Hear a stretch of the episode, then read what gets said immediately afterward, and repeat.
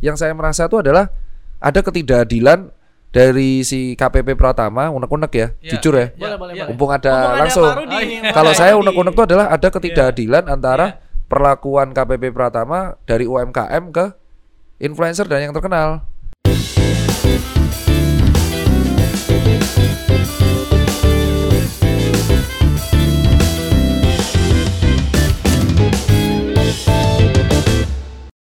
Kembali lagi di Celoteh 180 kolaboratif podcast Kanwil DJP Jawa Tengah 2 dan di episode kali ini adalah episode yang sangat spesial karena kita menghadirkan tamu yang spesial dan kali ini saya juga ditemani oleh orang yang sangat spesial. Beliau adalah Kepala Kanwil DJP Jawa Tengah 2, Bapak Rudi Gunawan Bastari. Halo Pak. Halo. Oh, teman-teman. Oh, Pak Rudi ini bela-belain sampai ikut ke acara podcast kita pada siang hari ini Pak ya. Ya, ya. Karena kita kedatangan tamu yang sangat spesial Pak. Ya, bukan Kita- kebalik. Ini kan rumah kampung. Oh iya, Pak. tamunya siapa? Bener kita tamunya Pak. Iya, iya, iya. Nah kita sudah me- menemui, kita sedang menemui salah satu narasumber yang sangat fenomenal. Mungkin kawan pajak sudah kenal semua meskipun ditutup masker gini ya. Beliau ada Dokter Tita. Halo Dokter Tirta. Wah, wah. Ya, kenalkan. Assalamualaikum warahmatullahi wabarakatuh. Waalaikumsalam. Ya, ya terima kasih telah bertamu di rumah masa kecil saya. Ini jadi rumah orang tua saya. Kenalkan nama saya Tirta Mandirudi alias Cipeng alias Dokter Tirta alias influencer Oh, iya, Mas, masa kini tukang provokasi. Ah, gitu Luar ya. biasa, luar biasa. Dan kita kita juga nggak nyangka Pak, ternyata Dokter Tita ini yang sering kita lihat di TV, sering kita lihat di infotainment, Iya. ternyata orang Karanganyar Pak, dekat sama kantor kita. Oh, KTP saya masih Karanganyar, Bos. Katanya masih Karanganyar Mas ya? Ngerantau doang di Jakarta. Iya. Iya, Makanya iya. kita undang buat Bangun desa. ke sini. Wah, wah. Bang Nah. Deso. Dokter Tirta lebih suka dipanggil dokter Mas Tirta aja. Mas Tirta aja. Kan nggak pakai baju dinas. Oh gitu. Oh ya sebelumnya perlu disampaikan bahwa ini apa acara podcast kali ini sudah mematuhi protokol kesehatan Mas ya. Oh, jelas. Kita sudah ini tadi udah disemprot disinfektan. Jelas. Eh, ini udah jaga jarak Oh, juga. rumahnya dokter. Tadi ya, tadi benar-benar tadi sebelum sampai sini kita disemprot sama ibunya Dokter Tirta. Iya. Semprot dulu. Disemprot. Nah, boleh nggak kita buka masker? Oke, siap, gas. Karena udah Aman. jaga jarak ya. Asal kita hanya ngadep mic aja. Jangan saling ada depan Ngomong ngomong ini kasihan nanti bapak ini kan beresiko. gitu ya. Orang sepuh. Di atas 50 tahun. Nah, bukan saya ngomong. Tapi malah disuruh masuk kantor, Pak ya. Iya, itu. Nah, jangan loh, jangan loh. Nanti nanti nanti Pak Bu Sri Mulyani marah. saya milah kalau tiap hari ngobrolnya sama Mbak Putkom. Mbak Putkom kan di Komisi DPR yang berhubungan tentang keuangan kan? Putri Iya. Komarudin. Iya. Nah, sama itu. Kali ini kita diundang di sini buat ngomongin soal Kebalik, saya yang undang. Iya. Hebat kan? Nanti Undang. berarti jangan-jangan Biasanya kalau di relay tayang di YouTube, oh ya boleh Mas. kalau ada channel ada filenya nggak apa-apa saya repost. Biasanya kalau orang-orang pajak datang ke rumah tuh ketakutan itu orang-orang ya. Iya, Tuh, saya iya. menyambut dengan baik. setelah Ya. diundang Itu ya. luar Ini. biasa Dokter Tirta. Ya Kita kan, yang ter- diundang ke rumahnya. ya. Terbuka. terbuka. Biasanya Orang takut-takut gitu ya. Orang tuh bingung. biasanya ya. menghindar-menghindar. Bener, punya toko banyak, rumahnya sederhana. Lah ya emang kayak gitu. Iya, iya. Emang tidak ada yang ditipu-tipu. Nah, jadi Pak Rudi, Dokter Tirta ini meskipun apa kita lihat sendiri kan sekali ini sering beredar di sosial media, beredar di TV. Beliau ini ternyata beneran dokter. Oh. Pak. Beliau adalah lulusan UGM dan nggak kaleng-kaleng. IP-nya 4 Mas ya. IP 1 semester 1 2 3. Kalau IP SKT-nya 38. SPS-nya 38. 38. Gede banget ya. Ya biasa mas Di kedokteran tuh rata-rata IP-nya di atas 3,8 Ada yang 39, ada yang 4 Nggak bisa ya mas ya? Nggak bisa. Oh gitu paling pa- paling tinggi di kampus aku 3,8 Mas. Oh yaudah nggak Enggak loh bu Ya sombonglah ketika kamu punya prestasi Iya, iya, iya, iya. iya. Tapi ini bener Dokter Tirta di UGM bener ya? Iya FK UGM Saya masuk 2009 Terus memulai bisnis juga di situ Lulus 2013 Skripsi kelar semester 6 Kan itu luar biasa ya. Di UGM, kemudian IPK-nya sering 4, nyaris sempurna. Bisnis juga gitu loh. Iya sama ngajar juga Ngajar juga. di Ya relawan juga Relawan juga. ya, Karena pus- Pusing ya pak ya tempo hari waktu saya kuliah ya, waktu zaman saya, itu orang males masuk ke dokteran. Kenapa gitu, Pak? Karena bukunya tebal-tebal. Nah ini udah bukunya tebal-tebal zaman dulu ya. Iya. Masih bisa berbisnis ya. IPK-nya masih bagus tuh, luar biasa. tuh. Ya, itu bukunya tuh saya bakar, saya minum. Tapi bisa jadi jualan katanya kan dokter Tirta jualan dari zaman kuliah Pak ya? Oh iya, dari semester 1, dari umur 18. Apa jangan-jangan kuliahnya semahal itu sampai harus di Oh, saya kalau go- gorengan. UGM tuh murah. Saya cuma semester 1 1,6. Oh, terus motivasinya dulu jualan dari zaman kuliah tuh apa? Karena bapak saya bilang kalau beli sepatu suruh nyari duit sendiri. Ya udah, sepatu saya sekarang 600 biji. Wah, Jadi sepatu-sepatunya dari duit sendiri yang nggak mau. Oh ya, iya, Bapak? bekas. Bapak nggak mau yang ngasih duit buat belanja-belanja. Gak mau, katanya duitnya cuman buat uang bulanan sama apa namanya ya membiayai di sana aja kos itu. Ya saya cari duit sendiri eh, malah kecanduan cari duit. Kecanduan dicari duit. Terus bapak saya sempat nantang katanya kalau kamu pengusaha yang keren kamu harus bisa ketemu presiden lebih awal dari saya. Nah, bapak kan ketemu Pak B.J. Habibie itu Iya. ada fotonya itu tahun berapa itu? Pada waktu saya masih pada waktu beliau masih umur 35 36. Saya ketemu Pak Jokowi dua kali umur 26. lebih maju dari bapaknya. Oh ya jelas, merdeka. Jadi motivasi saya buat bisnis sudah terjawab ya. Iya, Ngalahin bapak sendiri aja udah. Iya. Oh, iya. Dan aku kalah. Nanti target buat anaknya umur berapa? Eh, kalau bisa umur 7 tahun ketemu Pak Presiden. Bentar lagi berarti ya. ya gak apa-apa Amin. Nah, Iya, iya, iya. Dokter Tirta ini masih aktif sebagai dokter. Masih, jadi saya sekarang membantuin Kemenkes di bidang edukasi, eh, promosi kesehatan bareng Bu Dirjen. Saya juga bantuin UGM untuk bagian edukasi, di di pusat juga edukasi. Saya juga praktek di Kartika Pulomas dan bantuin untuk brandingnya Kartika Pulomas juga. Terus saya juga masih sharing edukasi di vlog saya sendiri dan tem di sosial media. Jadi saya lebih senang ke ilmu kesehatan masyarakat sih. Ta- kalau praktek, jujur karena saya lebih ke fisik sih. Karena fisik saya udah nggak nggak sekuat dulu. Kalau dulu saya masih praktek di GD sampai 2016. Cuman ini saya praktek lagi di GD sih. Tapi ya tidak se ekstrim dulu. Kalau dulu bisa Hmm. eh, pagi siang malam off, pagi siang malam off gitu. Kadang malam malam off. Nah itu Ada- menarik juga tuh ya. Saya melihat begini loh, kok suka praktek di UGD gitu? Kenapa Eh, kira-kira ada ada apa tuh? itu sebenarnya kayak pressure-nya sih. Sebetulnya saya jujur kalau di UGD kasus yang paling saya suka tuh yang berhubungan dengan urgensi kedaruratan terutama yang eh, tindakan yang berhubungan dengan darah. Ta- Emang emang suka tindakan pada waktu itu dan di UGD kan kita ada tekanan ya. Kadang kita kalau di dokter itu adalah kalau di bedah eh, cowboy sistemnya. Iya. Cowboy itu adalah kita bertindak dulu, yang penting selamat, baru nanti berpikir belakangan. Nah kita kan di UGD kayak gitu. Nah itulah alasan itu nular ke usaha. Di usaha ya kalau ada peluang ya saya ambil. Perkara gagal apa enggak belakangan. Yang penting ada opportunity, I take it. Coba dulu ya berarti ya. Gas ya kayak gitu. Makanya saya masih ingat banget ketika usaha pertama saya gorengan itu ya saya jual gorengan karena ada potensinya. Ada? Saya nggak peduli gimana cara masaknya, saya niat dulu. Eh ternyata ketemu supplier gorengan di Jalan Magelang. Jadi saya maklun doang. Konsumennya juga anak-anak kedokteran berarti. Iya karena saya menganggap pada waktu itu dia ngampus dari jam 7 pagi sampai jam 3 sore. Hmm. Rata-rata keluar pas sholat zuhur sama sholat asar doang. Jadi orang kalau ke kantin 300 meter jauh. Ya akhirnya lewat saya. Oh. Nggak dilarang sama kampus. Oh ini ada yang jualan. Enek larangannya tuh. Oh, Golek duit kok dilarang. Halal ya, kecuali saya korup. Bah, tidak. Jujur. Iya, iya, iya. Lebih baik halal tapi receh daripada haram tapi miliaran. Ah. Luar Makanya biasa, itu itu yang uh, bikin dokter kita sampai kayak sekarang ya. Bisnisnya banyak. Itu karena ngegas ngegas nggak cuma di kata-kata doang, ngegas Tindakan. di tindakan. Dan juga. alhamdulillah saya sekarang sampai sekarang saya nggak pernah kredit bank. Padahal bapak saya kerja di Bank Kreditan Rakyat. Hah, Bagus deh, anti riba. oh ya. Saya nggak kredit bank. Nah, kalau kaitannya dengan uh, penanganan COVID nih, Dokter Tirta, kira-kira kondisi terkini seperti apa? Eh, kalau di beberapa kota jujur Jakarta ajur ya. Kalau saya bilang kenapa Jakarta ajur tapi sektor perkantoran. Jadi Covid-nya di Jakarta itu lebih menyerang ke perkantoran-perkantoran sentral. Klaster tertinggi masih di Kemenkes ya.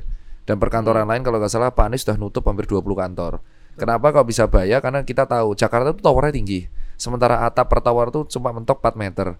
Nggak ada ventilasi. AC-nya sentral. Kantinnya dua, liftnya cuma 8. Bayangin kalau misal ribuan orang turun naik lift, liftnya nggak dibersihin, AC-nya nggak dibersihin. Yang terjadi akan jadi klaster. Nah, masalahnya yang kerja di Jakarta ke tower-tower ini bukan orang Jakarta asli juga. Ada orang Tangsel, Tangerang, Depok, Bekasi, dan mereka pakai KRL dan MRT dan busway. Betul. Otomatis kan ini menjadi klaster kantor, klaster transport, mereka ke pasar dan ada jadi klaster keluarga. Itu beruntun.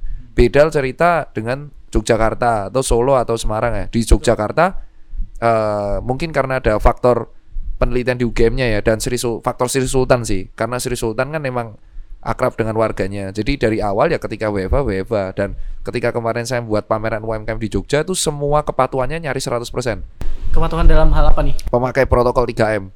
Terus eh, saya juga udah share data di media sosial yang datang 98% orang lokal. Tidak ada orang luar. Eh, Jakarta nggak ada. Dua persennya emang luar Jogja, rata-rata kayak Surabaya, Malang. Tapi kalau di Jakarta nggak ada. It means emang tingkat kepatuhannya tinggi emang karena itu yang patut kita contoh. Jadi per daerah beda-beda. Per daerah Mas- beda-beda. Beda-beda masalahnya. Jadi kalau misalkan kenapa Jakarta nggak bisa kayak Jogja atau kenapa Jakarta nggak kayak Surabaya? Ya karena tower tower tower kantor cuma ada di Jakarta Betul, betul. orang-orang sentral di Jakarta gitu. Jadi udah sewajarnya emang Jakarta emang yang paling harus paling parah karena emang sentral negara kita. Iya, betul. Eh, penanganan BFH sendiri kita juga di kantor kita Iya. juga ada BFH BFO Pak ya. Iya betul betul. Jadi di tempat kita Dokter Tirta Iya. di Direktur Jenderal Pajak kita juga ada protokol kesehatan tuh. Jadi kalau di tempat kita di seluruh Indonesia itu wajib tuh hukumnya. Kita setiap hari itu store kondisi kesehatan kita Oke. pakai aplikasi. Jadi kita kondisi kita sekarang seperti apa, sehat atau enggak, suhu tubuh berapa, gitu ya. Pernah kita kontak sama orang atau tidak, itu detail tiap hari. Kemudian eh, kita juga masuk kantor itu dibatasi sekarang. Jadi maksimal 50% ya sampai sekarang Betul. 50%. Dan tiap bulan kita itu ada tes rapid. Tes rapid begitu alhamdulillah ya di departemen keuangan mas walaupun ada ya tapi nggak nggak begitu banyak. Menariknya di Solo nih, Pak. Di Solo juga eh, kita kebetulan ya dengan Dinkes itu luar biasa juga. Jadi kalau kita ada yang reaktif ya, Betul. kita apa nama tes terus kemudian swab itu gratis loh Oh ya? gratis di sini. Ya kita kemarin berapa tuh sampai lebih dari 20 Ya gratis itu. kita di sana gitu. Jadi memang luar biasa lah kerjasama. Tapi memang tadi benar Dokter Tirta, memang kita harus disiplin ya. Hmm. Terutama nih banyak teman-teman tuh yang apa namanya tuh uh, mobile gitu ya. Iya. Rumahnya di Jogja, terus kemudian ininya di Masih Solo gitu gitu. kan ya. Naik kendaraan umum memang itu yang kadang-kadang itu yang benar kata dokter Tita tadi. Tapi kita kan beruntungnya gedung-gedung kita kan nggak tinggi ya. Terus kemudian jendela sering kita buka, disinfektan juga kita hampir seminggu sekali kita melakukan Betul. itu. Betul. Gitu dokter. Iya, Jangan setuju. pengalaman di kita loh ya. Ya di emang DJP. emang harus disiplin sih. Jadi kalau dari kita bilang ya emang semua butuh duit ya. Jadi kayak kantor kalau mau membuka untuk pekerja yang masuk ya silakan. Tapi harusnya manajemen kantor juga memikirkan keselamatan pegawai. Betul. Paling nggak minimal ya AC dibersihkan lah AC sentral. Iya. Kalau AC-nya masih pakai AC yang eh odornya beda-beda ya dibersihkan juga lah AC-nya. Paling nggak filternya atau gimana nya. Terus handle pintunya dibersihkan paling nggak lima kali sehari. Iya. Terus Lima kali sehari ya. ya handle pintu sama lift sama kantin dan diwajibkan semua karyawan wajib membawa alat makan sendiri. Kalau naik lift masih aman gak sih dok? Ya sejujur aja naik naik lift tuh ya sebenarnya aman nggak aman pak, tetap aja nggak aman. Apalagi kalau lift tersebut emang sering banget dipakai dan dipakai terus-terusan. Makanya harusnya kalau emang mau aman-amanan ya lift tersebut juga dibersihkan sterilisasi paling nggak tiap 4 jam 5 jam. Nggak naik tangga ya. Ya makanya kan dibilang ini kan soal disiplin dan perubahan ya. Sebenarnya faktornya adalah bukan si orangnya, orangnya udah patuh pakai masker cuci tangan. Cuman kantornya dan pabrik ini yang maunya ya profit. Nah tapi kalau gitu kan rugi. Gak nggak pabrik doang nih yang rugi. Masalahnya semua warga juga rugi. Pekerja harian pun tingkat PHK juga tinggi. Ada tiga provinsi kalau kita lihat emang ekonominya minus. Bali satu, dua Jakarta, tiga Jogja. Dan ini jadi yang rugi bukan bukan satu dua pihak, semua pihak hancur ini. Ya, hancur. Hancur. Berarti nggak boleh ada yang merasa lebih rugi lebih. nggak bisa juga. nggak bisa dan kalau mau kita survive ayo bareng karena krisis kesehatan bisa akan memunculkan krisis ekonomi krisis ekonomi bisa men- menciptakan konflik horizontal. Itu yang terjadi sekarang kan? Iya, iya. iya. Kalau ngomongin uh, pandemi dan bisnis lagi, Hmm. dokter Tita terdampak gak? Oh ya terdampak. Toko saya kan ada 60 itu kan kemitraan semua. Saya nggak pernah yang buka franchise ya anti saya. Jadi kalau saya tuh ada kawan misal di luar kota dia punya rokok bagi hasil siup dia yang ngurus. Jadi semua berkembang kayak kayak contoh SAC Banjarmasin. Itu yang memiliki royaltinya ya yang memiliki itu adalah partner saya siupnya dan dia setornya ke daerah tersebut. Nah, karena daerah or karena kita sekarang Covid ya kerugian saya dan kawan-kawan saya jujur kalau ditaksir miliaran miliaran bisa. Karena kan Betul. ada kehancuran omset, kehancuran kawan-kawannya. Jadi yang kita bisa lakukan ya kita nggak bisa ngeluh. Tapi untungnya uh, Susan Care itu selalu memiliki backup plan. Rata-rata kawan-kawan saya itu memiliki backup dan financial plan yang bagus, dana talangan. Jadi amit-amit lebih baik ngurangin gaji pegawai daripada mecat pegawai. Itu sih prinsip di kita ya. Terus alhamdulillah sih kalau saya nggak nggak sampai nggak sampai ngurangin gaji pegawai, jadi utuh. Nah, solusi yang kita lakukan ya sekarang terjadi perubahan gaya bisnis. Jadi kalau dulu kita lebih ke menunggu eh, pelanggan, kita sekarang bekerja sama dengan aplikasi-aplikasi cashless, aplikasi digital currency dan kita juga bekerja sama dengan kurir dan shipping. Jadi orang eh, datang ke tempat kita gitu. Dan pegawai kita 60% itu rata-rata kaum marginal yang nggak sekolah. Jadi Oh, mendidik iya. mereka lebih enak. Mereka membantu Malah kita. lebih enak ya. Iya, mendidik pegawai kita tuh rata-rata dari mantan napi, mantan narapidana dan preman. Jadi eh, mendidik mereka jujur aja lebih enak sih kalau dari saya sendiri. Jadi kalau dibilang terdampak terdampak, tapi itu bukan alasan saya untuk ngeluh. Saya malah ngakuisisi beberapa bisnis kawan saya yang hancur. Jadi kawan saya juga ada beberapa yang hancur dan terlilit utang. Akhirnya saya investasi. Jadi ini adalah saya belajar sama Pak Sandiago ini adalah momen ketika kamu bisa mengambil perusahaan semurah-murah mungkin dan kamu akan memoles perusahaan itu dan menjual dengan harga tinggi nanti perusahaan tersebut. Nah ini boleh nggak saya tanya nih? Tadi kan menarik nih ya. Tadi Betul. dokter kita mengatakan lebih mudah mendidik yang tadi mantan napi Iya. macam itu. Kenapa itu? Karena apa apa mereka nggak punya behavior sebelumnya kan? Iya. Di lingkungan yang berbeda, kemudian kita didik untuk menghasilkan sesuatu yang pro ke bisnis kan gitu luar biasa ini. Oke, jadi salah sistemnya kayak gini. Saya pakai filosofi berlian ya. Hmm. Berlian tuh bisa mahal awalnya dari batu. Itu karena kita olah dengan keras. Nah, orang-orang yang keras ini, orang-orang yang mantan napi, mantan anak jalanan dan preman dan rata-rata juga gak, gak lulus sekolah, itu mereka rata-rata sudah terbiasa hidup keras di jalanan, Pak. Jadi mereka tahu hidup dengan cuman duit 100 ribu seminggu, makan dengan seadanya. Jadi mendidik mereka dengan seirit mungkin mereka udah bisa membatasi pengeluaran. Dan kedua mereka ketika dikasih ilmu tuh yang penting apa pun, yang penting dapat duit, yang penting bersyukur dan halal karena mereka capek untuk jalan.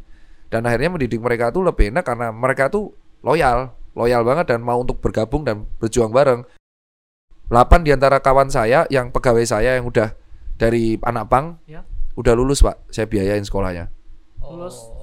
S1. S1. S1. Jadi paket C ngejar lulus terus S1 sekarang. Ada yang terus karena terinspirasi saya jadi ngajar tujuh di antaranya tuh SPPD sarjana pendidikan dan dia hanya mau Wah. ngajar buka perpustakaan keliling di jalanan. Akhirnya ap- semangat saya nular ke pegawai dan itu emang yang kita harus lakukan. Jadi Susanker tuh kayak sekolah. Saya nganggapnya kayak sekolah. Emang kalau ditanya orang dokter Tirta nggak mau mengalihkan Susanker menjadi PT berbadan hukum. Ini sampai sekarang Susanker tuh masih UMKM perorangan. Tahu sendiri kalau UMKM perorangan ya nggak akan bisa growing up. Ya mentok asetnya segitu per tahun. Kenapa? Karena saya pengen tiap daerah itu memiliki UMKM Susanker ini. Karena kan saya ngajak, oh kamu daerah mana? Saya lihat, oh Banjarmasin. Ya Banjarmasin dia doang. Rukonya dia, siupnya dia, yaudah. Karena itu akan pelajaran. Saya nggak mau franchise karena emang saya berjaya di UMKM aja. Karena biar ngajarin orang kalau bisnis kayak gini. Setelah nanti dia skillnya tinggi ya dia mau sama yang lain nggak apa-apa. Jadi Susanker itu sekolah. Jadi kalau ditanya didik mereka susah tapi mereka lebih enak. Kalau didik S1 lebih susah. Kenapa? Karena orang sarjana itu rata-rata mereka udah masang tuh tinggi, tinggi banget. Mereka datang pengennya gaji tinggi. Jadi mereka rata-rata instan. Nah, itulah pelajaran bagi kita. Makanya saya bilang memang tidak ada istilah pengusaha sukses itu dari zero, itu omong kosong. Saya selalu bilang orang yang bilang saya dari nol tuh nggak ada. Ah. Karena rata-rata punya privilege, privilege saya bapak ibu saya bank, makanya saya uang, keuangannya pinter. Nadiem Makarim bapaknya lawyer terkenal dari S3. Pak Erick Thohir bapaknya pendiri Astra. Rata-rata tuh punya privilege cuman itu bukan menutup kemungkinan bahwa kita bisa belajar. Betul. Langkah kita membuka rezeki bagi orang lain. Nah, makanya kalau saya bilang kalau teman-teman S1 rata-rata mereka tuh udah terdidik kerja, dapat gaji, bla bla, tapi mereka lupa.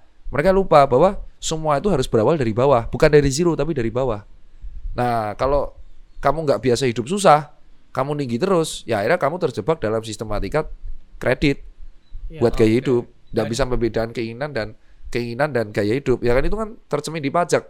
Hmm. Banyak influencer atau selebgram terkenal langsung beli mobil mewah atau Ah. apa pun. Nah, Ah. begitu pajak nyamperin kaget, "Duh, Hmm. saya harus bayar segini." Lah, Hmm. Nah, kamu tinggal di Indonesia, bos. Kau cari makan di sini, tapi kau nggak mau bangun negaramu. Ke mana kau mukanya? Kalau kamu mau enak sendiri, ya jangan tinggal di sini lah. Siap, setuju, setuju. Setuju, luar ya. biasa Ya. Dokter Tirta. Seneng kita ya. Kalau sama bisa jadi influencer pajak luar biasa ini. Ya, Iya. emang saya saya dari awal Susan Care saya masih ingat ya. Ini eh, saya masih ingat 2016 Iya. berita saya keblok di media. Ya. Saya masih ingat di Bumi Sang KPP Karanganyar itu saya datang belajar sendiri caranya sampai akhirnya saya kursus pajak sama teman saya anak stan di S2-nya. Terus sekarang akuntan saya ya orang stan. Dan saya tahu sendiri ngurus pajak kayak apa. Sekarang malah ngelesin orang, malah orang tuh orang tuh takut kayak harus hire konsultan pajak. Ah, saya sendiri bisa kok. Ngantong sendiri bisa. Jadi kalau saya bilang ya harusnya setiap bulan tuh kamu sudah memprediksi bahwa oh ini buat sedekah, oh ini buat dana talangan, oh ini buat pajak, oh ini buat sewa gedung, oh ini buat R&D research and development. Tapi mereka ketika dapat pemasukan, oh ini pemasukan saya nih, profit nih, income. Saya buat mobil, saya buat Iya, ini, buat ini, buat ini, buat ini. Ketika bayar pajak, loh saya nggak mau, bla bla bla bla. Ini kan usaha dari kecil. Bos, harusnya kamu tuh financial plan-nya ya dari bulanan. Betul. Nah makanya saya bilang pemasukan harus seimbang dengan pengeluaran. Kalau gaya hidupmu terlalu tinggi, ya jangan salahin kalau pajak tiba-tiba datang. Ya masa nggak ada angin, nggak ada hujan 2 tahun kamu punya Lamborghini satu senilai 3,8 m, Kita nggak ada, nggak ada, kita nggak tahu ya mas ya. sementara kamu di SPP nggak pernah lapor, Betul. tiba-tiba punya Lamborghini, salah nggak tanya? Iya. Nggak salah kan? Nggak salah. Ya udah makanya manajemen keuangannya bagus. Kalau nggak mau ditanya aneh-aneh ya nggak usah tinggi gaya hidupnya. Nggak usah nggak usah tunjukin kalau Ya nggak usah tunjukin, biar biar kamu lapor sendiri aja. Ini baru kali ini saya lihat nih WP bela orang pajak nih kayak begini nih. Lah soalnya Tapi ini gitu dokter ya? Tirta punya unek-unek nggak nih? iya soalnya Karena setahu saya begini ya, karena dokter Tirta ini kan WP kita. BP kita Pak. iya Kita di karangannya. betul. Saya dengar dari teman-teman katanya dokter Tirta ini termasuk yang baik. Walaupun ada surat cinta ya. Iya sering. Dikirim surat cinta. Sering terus surat-surat klarifikasi, klarifikasi Iya, karena kan iya, berita iya. dari media ya. Betul, betul. Nah itu gimana kira-kira? Kalau saya sih ngerasanya santai-santai aja ya. Kemarin ada ngirim surat klarifikasi tentang YouTube. Oh, diajarin terus saya bayar kayak gitu. Terus SPT-mu salah, Mas. Ya kan namanya buat sendiri kan. Soalnya saya saya tuh terbiasa dari dulu karena saya biasa sendiri, ya saya bisnis belajar sendiri, saya belajar sendiri. Akhirnya lapor sendiri apa sendiri. Royalti Susankar pun saya laporkan. Nah, yang saya merasa itu adalah ada ketidakadilan dari si KPP Pratama, unek-unek ya, Iya, jujur ya. boleh, iya. boleh. Mumpung ada Mumpung ada langsung. Rudi Oh, iya. Kalau saya unek-unek itu adalah ada ketidakadilan antara Iya. Perlakuan KPP Pratama dari UMKM ke influencer dan yang terkenal. Kayak gitu. tuh contoh UMKM, UMKM kan kena PPh final dulu satu persen, terus Pak Jokowi nurunkan jadi setengah. 6%. Ah, ah. Itu orang udah lapor. Ah. UMKM rata-rata yang gede-gede itu lapor. Hmm. Ya kadang ada yang kita tahu sama tahu lah ya ada ender market atau apa, tapi tetap lapor. Hmm. Toko saya lapor. Tetapi di sisi lain ini yang eh, selebgram yang terima endorse yang atau apa pun yang justru duitnya lebih banyak dari saya, ya bayangin lah saya cuci sepatu 30 ribu mau ngincer sebulan paling mentok 20 juta. Sementara di sisi lain ada yang terima endorse sebulan tuh satu fit tuh 100 juta. Nah ini kejelasannya gimana pajak ya? Kalau misalkan hanya UMKM doang, makanya UMKM ini curhat ke saya. Kalau UMKM doang yang disedot, akan nggak adil. Betul. Makanya saya minta kemarin ke lebih saya sempat ke Put, Mbak Putri ya kan di DPR ya. Karena kan memang kita akrab, maksudnya di dalam suatu organisasi ya, kayak komunitas pengusaha dan anak muda yang emang di pemerintahan dan ada yang di partai, ada yang politik. Saya sempat usul kalau memang yang diincar pajak e-commerce menurut saya nggak efektif. Coba hitung berapa selebgram influencer yang terima endorsan. Cek aja rekening, buka rekeningnya, tiba-tiba terasa 30, 100, 30, begitu 100 keluar jadi mobil. Nah, sementara mereka nggak dapat apa pun, PPh 21 mereka harus kena itu. Sama pajak eh, penghasilan profesi. Saya masih ingat pajak profesi setara sama dokter mereka itu. Iya. Kan Iya. profesi. Pajaknya padahal progresif. Nah, kalau misal sama-sama adil, ayo kalau mau membangun jangan UMKM doang yang digas-gasin ini sama e-commerce kalau bisa ya orang-orang yang terkaya di medsos ini juga disikat karena kasihan si anak-anak yang baru ini melek SPT tapi mereka sendiri nggak patuh. Itu sih nggak saya dan banyak loh mobil-mobil mereka itu nggak bayar pajak. Kok berani taruhan saya ya, pajak kendaraan. kendaraan itu Bu, ya? banyak pajak kendaraan, pajak bela nama, plat palsu. Belum PBB dicek satu-satu. Apa luar kepala? bisa jadi informan kita nggak Pak ini Pak? Oh ya bisa, tukang cepu pun siap saya. Ya. Cuman, cuman saya pengennya keadilan soalnya teman-teman saya UMKM tuh rajin, Pak. Kalau. PPh final mereka tuh udah bayar sendiri. Karena rata-rata kan terkenal dikirimin surat, suruh bayar. Mereka santai karena ada konsultan. Nah, kalau influencer, selebgram dan youtuber, saya minta kejelasannya. Peraturannya tuh pasal berapa? Terus kita lihat pernah nggak KPP Pratama atau DJP, KPP pusat aja iklan di medsos atau iklan tentang influencer bayar pajak? Nggak ada, Pak. Adanya UMKM bayar pajak minta keadilannya di situ aja. Endorsannya mahal loh pak, satu Betul, pos 100 juta, 50 sampai 100 sebulan 1 m. Lah itu udah kena progresif. Betul. Apalagi dia single, nggak nikah, berarti Ini eh, menjurus ke satu tokoh ya Mas ya? banyak pak, Banyak ya? nggak banyak Nggak- pak. nggak menunjuk satu tokoh ya? Enggak, itu karena rata-rata yang followernya banyak, emang endorse-nya itu dari satu setengah juta per pos sampai 100 juta per pos. Nah, UMKM itu curhat ke saya adalah kenapa cuman pajak makan UMKM doang, sementara Selebgram nggak ada kejelasannya. Ya. Kan iklannya Bu Sri Mulyani UMKM patuh, e-commerce kena. Nah, ini selebgramnya gimana nih? Ya. YouTuber kemarin yang paling saya suka tuh ketika KPP Pratama tuh ngasih rekapan saya. Kamu follower segini, uh, subscribe segini, ini, ini, tolong klarifikasi. Deng, langsung saya kasih struk dari Google. Oh, Google ada struknya. Ada. Ada Pak Nuradi. Itu saya ajarin. Yaudah, saya ajarin gantian. Ini struk dari Google, ini setahun, ini dolarnya segini, segini segini, bayar segini, rekening sendiri. Bayarnya gimana mas? Pasti bayar lewat Visa. Iya. Jadi kalau kamu mau rekap, tinggal ngejak kerja sama bank, buka semuanya kelar. Nah, Nggak mungkin bisa ditipu itu. Nah ini Mungkin, dokter Tirta, berarti yang unsurnya online ya itu sebenarnya lebih mudah deteksi sebenarnya. Oh iya, kan? iya, lebih mudah banget. Betul. Jadi begini dokter Tirta, kita ya di Kanwil JP Jawa Tengah 2 kita bikin program nih Apa, Pak? namanya kolaboratif compliance. Apa itu?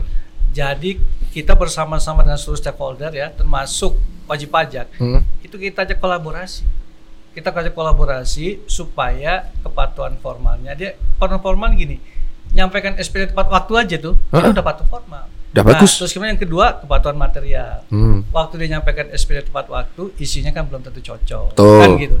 Nah kita pendekatan tes soft jadi kita butuh nih orang-orang yang seperti dokter Tirta untuk bantu kita kita sama-sama duduk bareng ya Hmm. sama seluruh misalnya ada asosiasi influencer ya UMKM itu kita dorong semua makanya melalui salah satunya podcast ini kita menuju ke sana artinya begini kita punya data loh banyak data yang kita punya Betul. ya cuma ini masalahnya begitu data ini kita launching itu ribut Oh ya pasti. pasti ribut ya kan pasti ribut sekarang nggak kayak dulu dokter kita nggak bisa Betul. kita jadi kita bisa habis kalau kita nggak punya bukti data yang kuat Betul. jangan gitu Betul. nah makanya kita pendekatan soft ya kita punya kayak dokter Tirta dikirimin semacam surat klarifikasi Betul. ya. Itu suka diajak diajak kita rembukan seperti apa nih kira-kira benar nggak penghasilan dari sini di samping itu kita juga eh, timbal balik Betul. dokter Tirta juga ngasih input gitu ya Betul. Nah kita ingin yang dokter, orang-orang seperti dokter Tirta ini banyak di tempat kita. Cuma kan takut. Nah, Padahal nggak ngapa-ngapain kan. itu dia, itu. Cuman dia dokter Tirta. ini saya saya bilang ya buat kawan-kawan, surat itu ada banyak. Pertama klarifikasi dulu. Klarifikasi nggak ada jawab dalam waktu 14 hari setelah diterima, dia akan dapat surat panggilan pertama, panggilan kedua, panggilan ketiga, sanksi. Nah sampai sanksi itu berat banget. Betul. Pas klarifikasi ngapain? Ngobrol. Udah ngobrol. Tokomu mana? Nih, nih, nih, nih, nih. Keuanganmu mana? Red. Terus eh, asetmu apa? Nih. YouTube-mu mana? Ini. Instagrammu mana? Mana rekapnya? Blak-blak nih rekening bleng. Cek aja saldo terakhirnya berapa. Oh, udah. Kalau keuanganmu hijau, ya ngapain takut? Nah, Itu yang pertanyaannya. Kalau kamu takut, ya berarti ada yang kamu sembunyiin, bos. Nah, that's it, clear. itu yang saya setuju. That's it, clear Jadi aja. Sebenarnya kalau kita fair ya, kita teman kita punya penghasilan, nggak perlu takut. Iya emang. Ketemu Kayak, sama orang pajak kita tuh mau jadi sahabatnya pembayar pajak. betul. Iya. Kita nggak mau jadi yang dibenci, yang dimusuhin, nggak mau. Dan pajak di Indonesia tuh murah loh. murah. Karena kalau kita bayar, kalau ah, teman-teman, wah ini kita bilang, kenapa kok kesehatan di Indonesia nggak gratis? Kan orang tanya nih soal COVID, Iya. kenapa swab nggak gratis?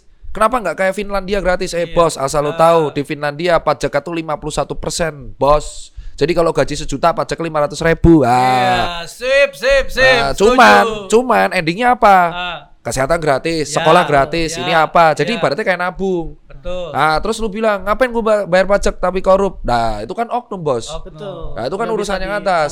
ya. Iya, sekarang Kar- makanya Karena begini dokter Tirta, sebenarnya ya, yang tahu bayar pajak benar atau enggak itu hanya kita dengan Tuhan kita masing-masing. Iya. Nah, Betul. jadi selebgram itu itu bukan berarti mereka nggak kena pajak. Semua aspek yang dia lakukan itu ada pajaknya. ya. Dia jadi endorse, ada penghasilannya, ada mekanisme pemungutannya, ya. Terus kemudian dia jadi apa lagi itu kan banyak ya. Ya. Karena self assessment. eh, Ya, karena self assessment, jadi Ya. sebenarnya kesadaran Kejujuran. itu kejujuran dari Pribadi. dia dari pribadi sendiri. Betul. Tapi kalau dilihat apakah mudah mengenakannya, sangat mudah.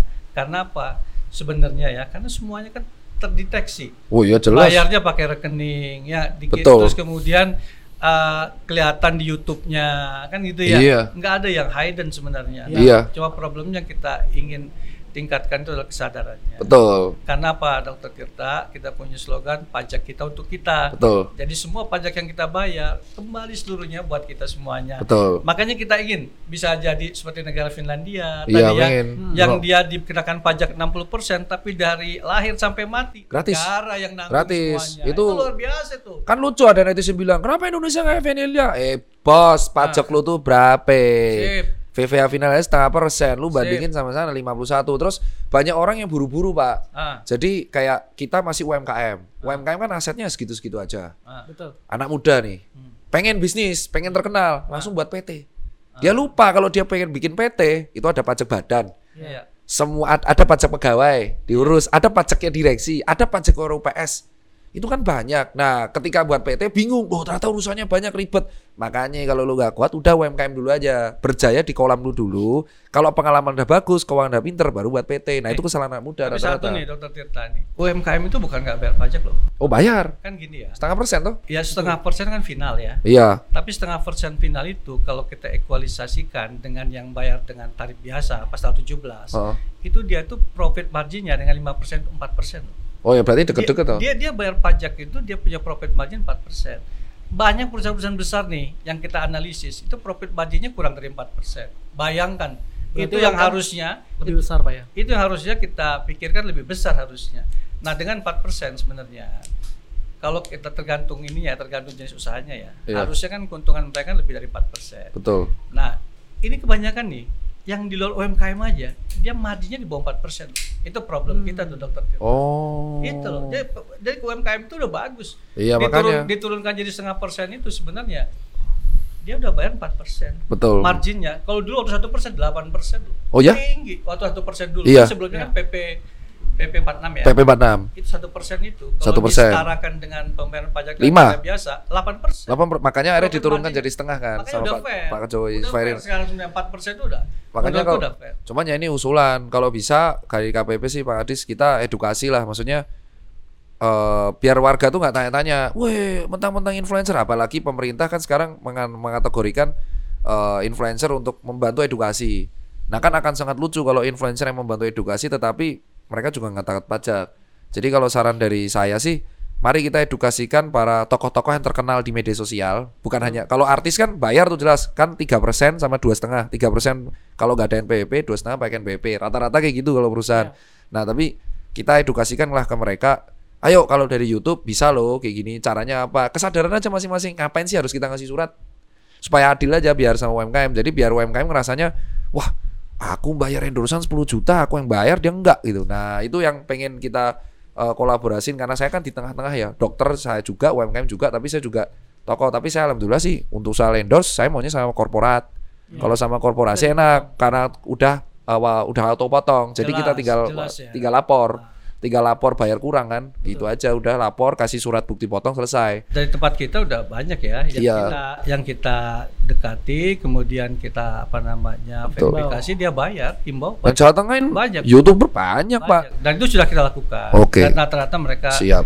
uh, sudah ikut program kita kalau dia compliant Betul. Mantap. Iya. Itu sih. Seru kan? seru seru seru ini seru banget ini Boleh nanti ajak teman-teman dokter Tita ya Pak. ya? nah kalau bisa kita nge-podcastan lagi ada dokter kita ada influencernya Oh ya nggak apa-apa. bagus tuh Jawa Tengah aja. Soalnya yang jadi masalah itu kan kalau kita dapat endorsean dari Online shop. online shop. Nah, kalau korporat dia udah jelas ada bu- ada bukti potong dan kawan-kawan 3% pembayaran H plus 14 sampai 28.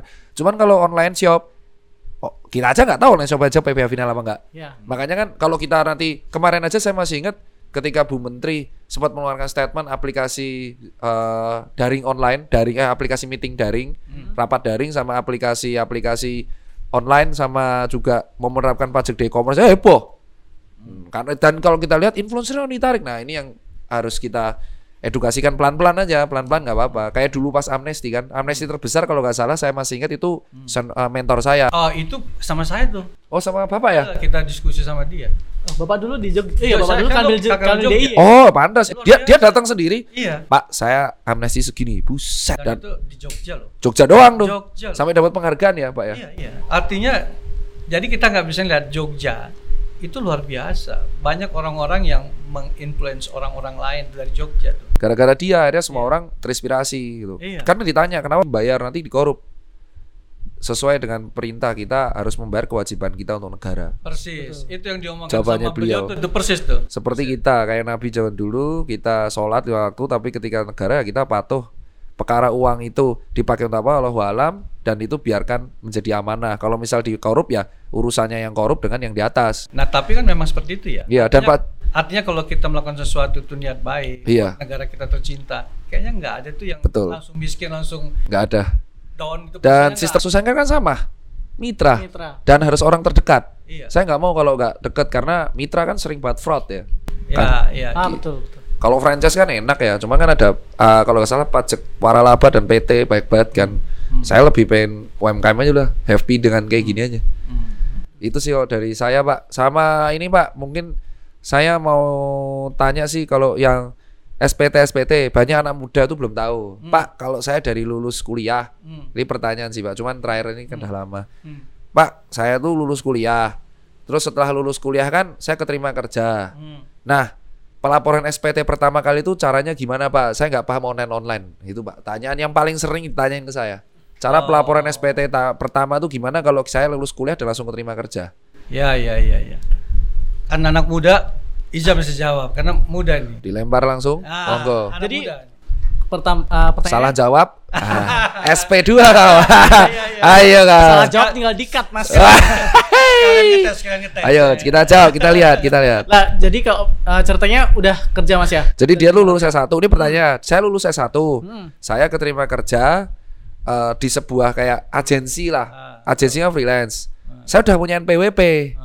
Setiap Maret harus lapor SPT. Betul. Nah, ini gimana nih cara pelaporannya? Padahal saya baru setahun di agensi. Agensi kan freelance ya, Mas. Tahu kayak agensi lah. Agensi itu kayak PH lah. Kayak kita digaji per proyek. Nah, ini caranya bayar gimana saya? Gitu. Oh bi- biasanya kalau dari agensi dap- dapat berarti bukan karyawan mas ya? Bukan. Dia freelance tapi dapat dapat gaji kan dari dari Iya, iya. tapi dipotong PPH harusnya. Kalau dari dari agensi besar harusnya dia udah dipotong PPH mas. Kalau agensi kecil, Kalau dari Nah, ini. kecil, nah ka- kalau misalnya ada kita dapat penghasilan, ya, tapi kalau misalnya itu tuh belum dipotong pajak, tapi kita udah melewati PTKP, Ya. nah kita harus menghitung sendiri mas. Ya, sama balik self, lagi, kan? Pajak tuh kan self assessment. Betul. Jadi kita sendiri yang ngira-ngira sendiri penghasilan kita Berarti- selama setahun berapa, baru kita potong pajaknya. Kalau udah dipotong, kita dikurangi bukti potong dari kantor. Kalau belum ada ya kita harus motong sendiri. berarti kita pakai 1770 yang e-form. Betul. Pakai e-form. Iya. Pakai e-form kan? Pekerjaan bebas. Pekerjaan bebas kan? Oh. Berarti freelance pakainya pekerjaan bebas, e-form kan? Jadi nggak bisa ngaku dewe ya. loh bos, berarti suruh ngaku sendiri kan? Iya, suruh harus ngaku sendiri. Berarti Karena soal kejujuran, kan? Nah, Com- itu tadi kunci dokter Tirta. Padahal kalau kita tahu pesepak pesepak bola nih, yang eh, pesepak bola aja itu Spanyol paling galak loh kalau saya. Soal galeng galak itu masih Spanyol. Oke. Dia bukan kesadaran sendiri. Disidak langsung rekeningnya.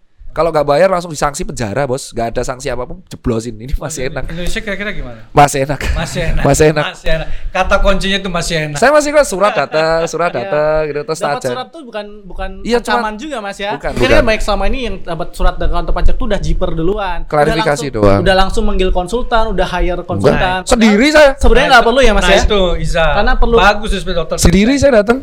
Berarti sebenarnya begini kuncinya. Kalau kita punya masalah dengan orang pajak, kita datang ke pajak. Terus Betul. image-nya gini, kamu bayar berapa? Nyuap berapa? Bos, nggak ada kayak gitu, dan Nggak ada pak. ya? kan di pajak ada namanya AR. Nah, sampai tahu saya ya. Sekali lagi dong dokter Tirta, ini ini pengakuan nih. Saya AR. nggak ada biaya ya? Nggak ada. Nggak Jadi biaya. saya masih ingat pokoknya kenapa kok Tirta tahu? Tirta les. Jadi dua, saya kan tipikal orang keuangan. Bapak ibu saya karyawan. Jadi ketika saya buat Susan Care, ada tim empat karyawan saya itu sa- S2 akuntan UGM, standnya tiga. Emang saya tuh suka banget. Saya tahu minus di penghitung-hitungan, jadi saya belajar. Betul. Jadi ketika ada pajak, AR tuh akan ngirim surat klarifikasi. Surat klarifikasi permintaan penjelasan aset. Contoh, ada berita media. Ya saya masih ingat klarifikasi itu terjadi karena eh Susan Care sampai di luar negeri. Dia minta klarifikasi, jelasin kamu punya toko nggak? Saya datang sendirian. Saya nggak mau pakai konsultan, udah ditakut-takutin. Bayar lu kamu nyop. Saya datang sana belajar. Pak, ini beritanya. Ini lebih-lebih. Toko saya di sini, alamatnya di sini, oh royaltinya segini, rekening saya segini, ininya segini, laporan keuangan segini, bayarnya gimana? Wah aman, yaudah, nanti bayar saya ajarin. Ini e-filing, ini bi, ini e-filing, e-fin ya, kamu nanti belajar sendiri. Dari situ saya tahu, ya kalau orang nggak kenal akan suzon. Betul. Masalahnya saya datang sendiri. Makanya kalau di kamu diminta klarifikasi, ya belajar datang sendiri. Nah, kalau kamu udah ruwet kayak PT, pakai konsultan. Kalau saran saya belajar sendiri aja. Betul. nggak ruwet. Betul, betul. Nah, ini dokter Tirta, ini menarik nih. Saya kemarin pagi menghadiri forum group discussion ya. Iya. Itu KPP Pratama Karanganyar, itu rencana kalau dia berhasil, dia Hah? dapat anugerah kantor pelayanan prima ya. Iya. Itu yang mengeluarkan dari Menpan RB. Oh ya? Iya, Jadi dokter Tirta ini kalau kemarin bisa ngasih testimoni, jangan-jangan kita udah bisa. Jadi yang dikatakan dokter Tirta itu benar. Iya. Artinya kan KPP Pratama Karanganyar itu sendiri udah dinilai banyak pihak Hmm. dan salah satu kandidat untuk mendapat uh, apa namanya uh, penghargaan ya Iya. Uh, award EUPP. award dari uh, pelayanan prima. Udah. Pelayanan prima belum belum. Lagi Masih di- nominasi. lagi evaluasi. Soalnya emang kenyataan sih kalau yang kayak kan KPP Karanganyar ya. Karena kenapa saya nggak mau mutasi karena emang ya emang senengannya karena itu kan deket ya cuma 20 kilo. Terus masih ke sana belakang dan emang ramah. AR-nya tuh undang dan jam saya masih ingat akhirnya saya dapat nomor AR-nya. Dia di hari libur aja jam 8 masih nelpon. Dok, saya mau belajar ini ini ini. Dia dia tanya beneran. Saya nggak tahu sistematika YouTube. Saya blank. Ajarin. Ya saya ajarin. Terus gantian, saya minta belajar, belajar apa? Saya minta pelajarin pasal ini tuh artinya apa? Pasal ini ya akhirnya belajar kan. Nah, dan orang yang salah kaprah nih yang sebelum ditutup nih 45 menit. cuman saya cuman bilang, saya tidak pernah sedikit pun dari Susengker berdiri Hmm. itu ada adegan AR minta jatah. Alhamdulillah. Nggak ada. Itu ya itu yang itu yang sering dialamatkan ke saya. Tepuk tangan dulu buat semuanya nih alhamdulillah. Ini pengakuan Bener. Dan semua pengusaha. semua Nggak ada kita brief ya mas ya? Gak ada, gak ada ini beneran karena banyak tuduhan ke saya. Wah Tirta tuh pajak aman karena nyuap AR, gak ada. AR-nya itu rata-rata sumuran sama saya. Hmm. Dan AR-nya yang tanya bisnis kayak gimana. Hmm. Terus yang kedua adalah semua toko Susan Care itu kan siupnya masing-masing. Supaya apa? Biar dia membayar PPh final di masing-masing daerah. Kalau mereka bayar semua, KPP Pratama yang menang banyak pak. Iya. Ya jadi saya suruhin, nah ini daerah mana, daerah mana, daerah mana. Cuman kalau royalti ya ke situ. Dan ada ketiga, kalau kamu punya cabang di mana? Ada namanya NPWP cabang. Ya. Itu pun yang ngajari adalah KPP Pratama Karanganyar. Ya. Terus kerjasama saya diajarin ke KPP Jogja. Terus saya juga diajarin ke KPP Jakarta. Jadi saya tuh hampir sudah tur hampir semua KPP.